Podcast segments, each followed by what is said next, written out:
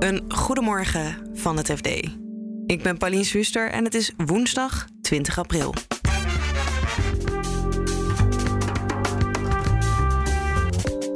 De wereldeconomie gaat minder hard groeien door de oorlog in Oekraïne. En het groeicijfer wat nu wordt gegeven kan ook nog tegenvallen.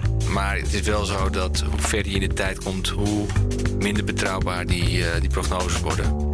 Miljoenenstad Shanghai is sinds eind maart in lockdown en dat raakt hun economie en waarschijnlijk ook ons. Vandaag even te kijken bijvoorbeeld bij AliExpress of iets. En toen zag ik al wel dat we die leeftijden daarvan uh, al wel aan het oplopen waren.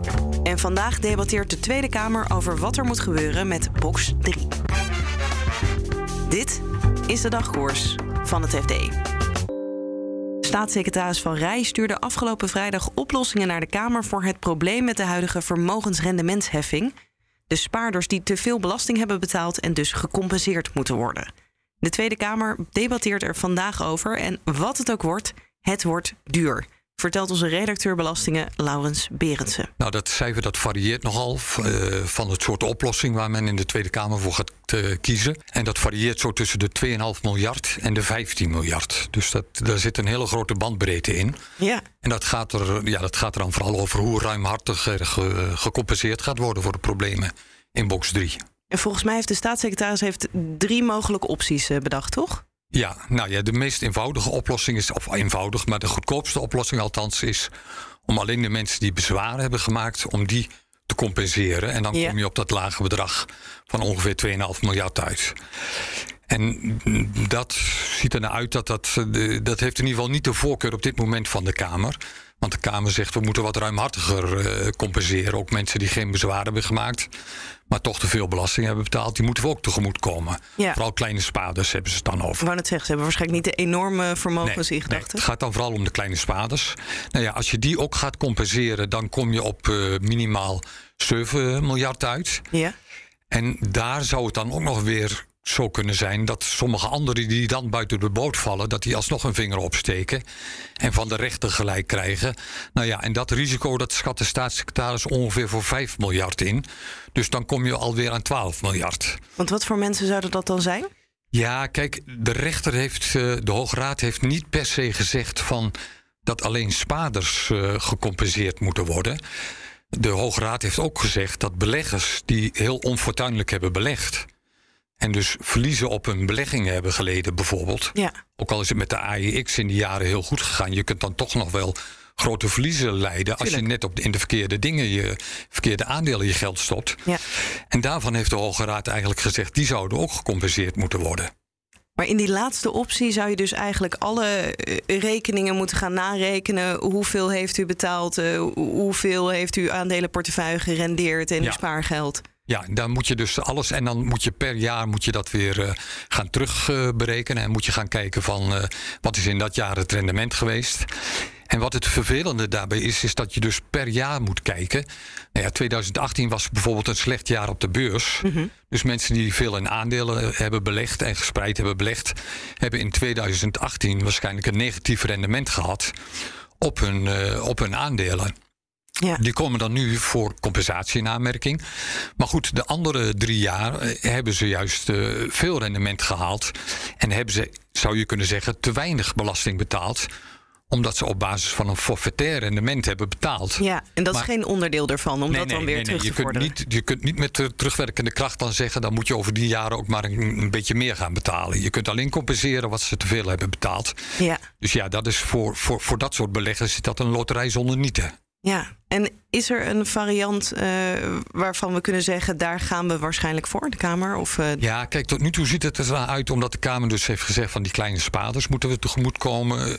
En ook in de coalitie schijnt toch wel de variant te zijn. We gaan eh, alle, spaar, eh, alle spaargeld gaan we voor compenseren. Als dat ertoe leidt dat je te veel belasting hebt betaald. Maar goed, ja, dat is ook wel een kostbare variant. De, de 7 miljard sowieso, misschien oplopend tot 12 miljard. En Van Rij heeft ook een overzichtje meegestuurd van waar dat geld voor die compensatie dan terechtkomt. En dat blijkt toch ook voor een belangrijk deel eh, bij mensen te zijn die vijf ton eh, aan vermogen hebben. En in veel gevallen zelfs meer dan een miljoen. ja. Dus ja, als de Kamer dat echt tot zich laat doordringen, ja, dat zijn nog niet direct kleine spaarders. Dus dan zouden wel eens Kamerleden kunnen zijn die zeggen van ja, als, als we dit bekijken, dan moeten we misschien toch een beperking instellen. En weer teleurstellende economische verwachtingen. De wereldeconomie groeit dit jaar minder hard dan verwacht en de inflatie blijft hardnekkig hoog. Daar gaat in ieder geval het Internationaal Monetair Fonds vanuit. Marijn Jongsma is onze redacteur macro-economie en vertelt je hoe groot de schade is.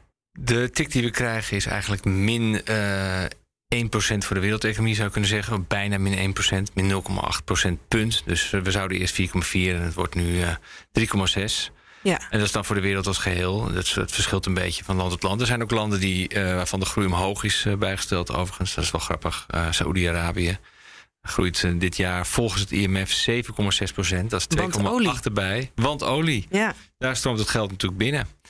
Uh, en de grootste uh, slachtoffers uh, zijn natuurlijk Oekraïne en Rusland. Ik weet niet of het woord slachtoffer in dit geval helemaal juist is. Maar in ieder geval, de economie daar leidt onder de sancties. En uh, ja, de economie in Oekraïne zou iets van min 35 procent zijn. En die van uh, Rusland min 8,5.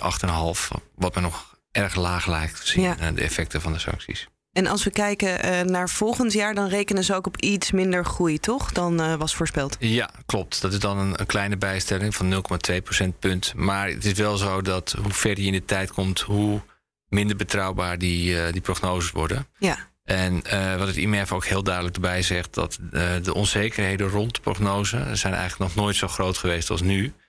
Uh, omdat je te maken hebt met een oorlogsschok en allerlei onvoorspelbaarheden. En wat kunnen we afleiden uit een wereldwijd cijfer voor de economische groei? Wat hebben we daaraan?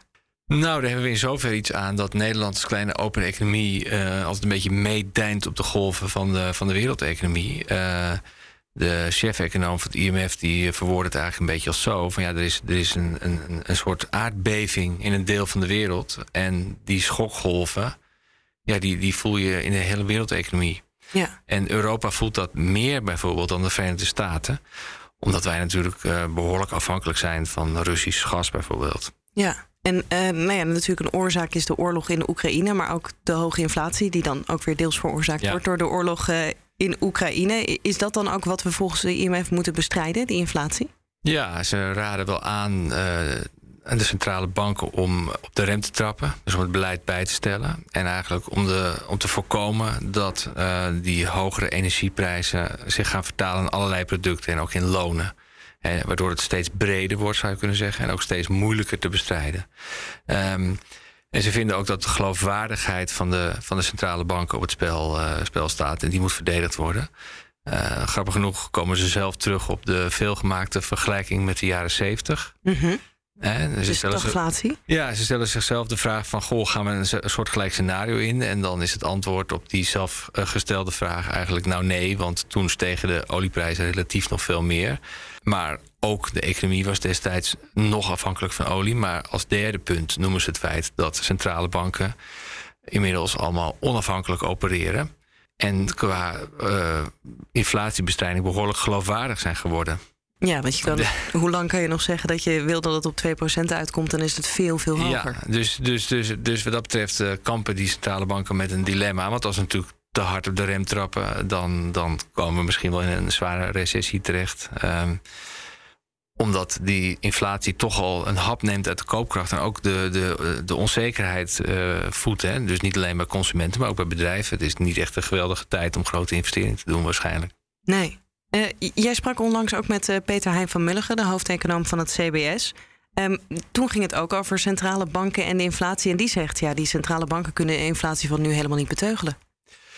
Nou, wat hij zegt is, uh, het is je kunt het niet de ECB verwijten dat de inflatie nu op dit niveau zit. En daarmee zegt hij niet dat er geen enkel verband is tussen monetair beleid en inflatie. Want dat weet hij natuurlijk ook. Uh, maar hij zegt van ja, als je kijkt naar het, energieaandeel en, en, en de schok die die oorlog heeft veroorzaakt, ja, dan, dan, dan kun je er niet zeggen dat is de schuld van de ECB.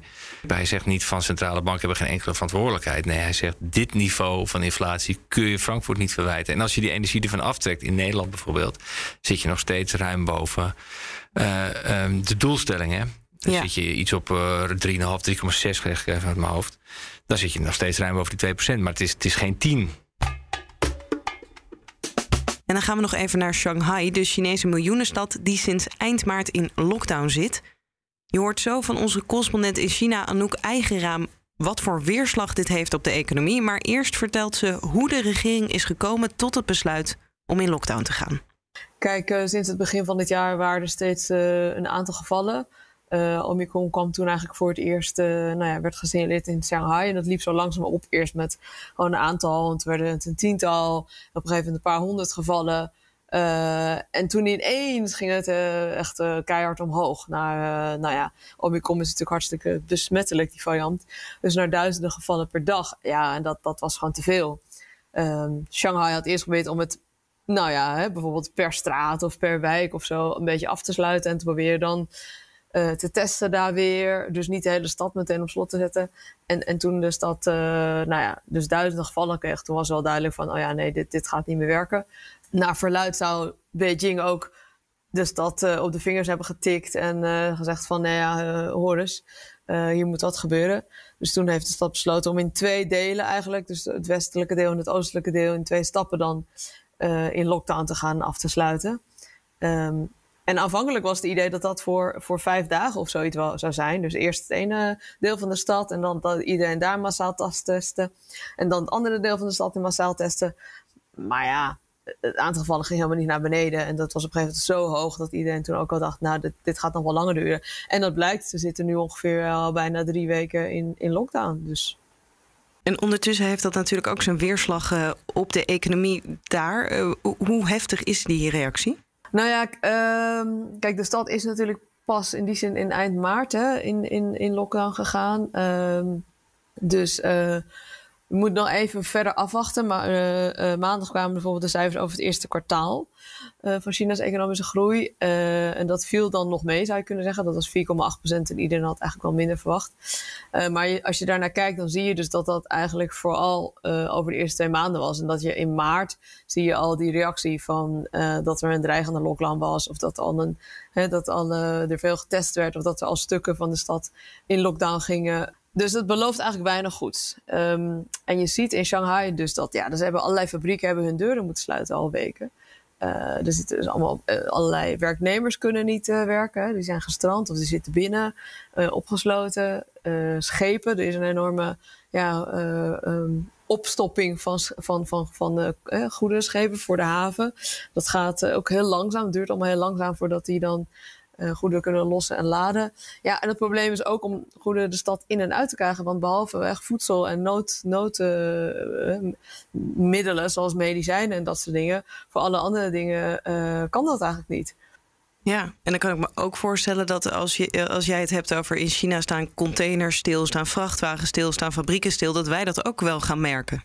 Ja, ik vermoed dat ook. Ik denk dat het misschien nu eerst, uh, de afgelopen week was nog iets te kort. Uh, maar ik denk dat je het al wel, uh, wel gaat zien. ik, ik bijvoorbeeld zat vandaag even te kijken bijvoorbeeld bij AliExpress of iets.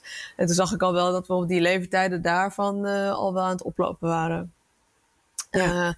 dus ik kan me dat voorstellen dat dat natuurlijk gevolgen gaat hebben. En, en die toeleveringsketen, kijk, die was natuurlijk al afgelopen twee jaar steeds uh, hè, omdat er alweer ergens een uitbraak was. Dus dan was er alweer een haven, zoals de haven van Ningbo was dan alweer tijdelijk even op slot.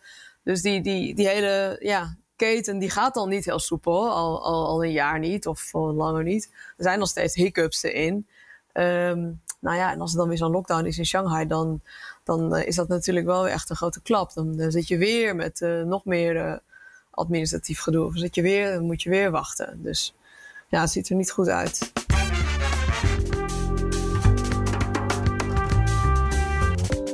Dit was de dagkoers van het FD. Op fd.nl lees je meer over inflatie, box 3 en Shanghai. En je volgt daar natuurlijk ook het financieel-economisch nieuws. Dagkoers volg je in je favoriete podcast-app. Zoek ons daar even in op en klik dan ook gelijk op abonneren. Dan krijg je morgenochtend automatisch onze nieuwe aflevering binnen. Voor nu een hele fijne dag en tot morgen.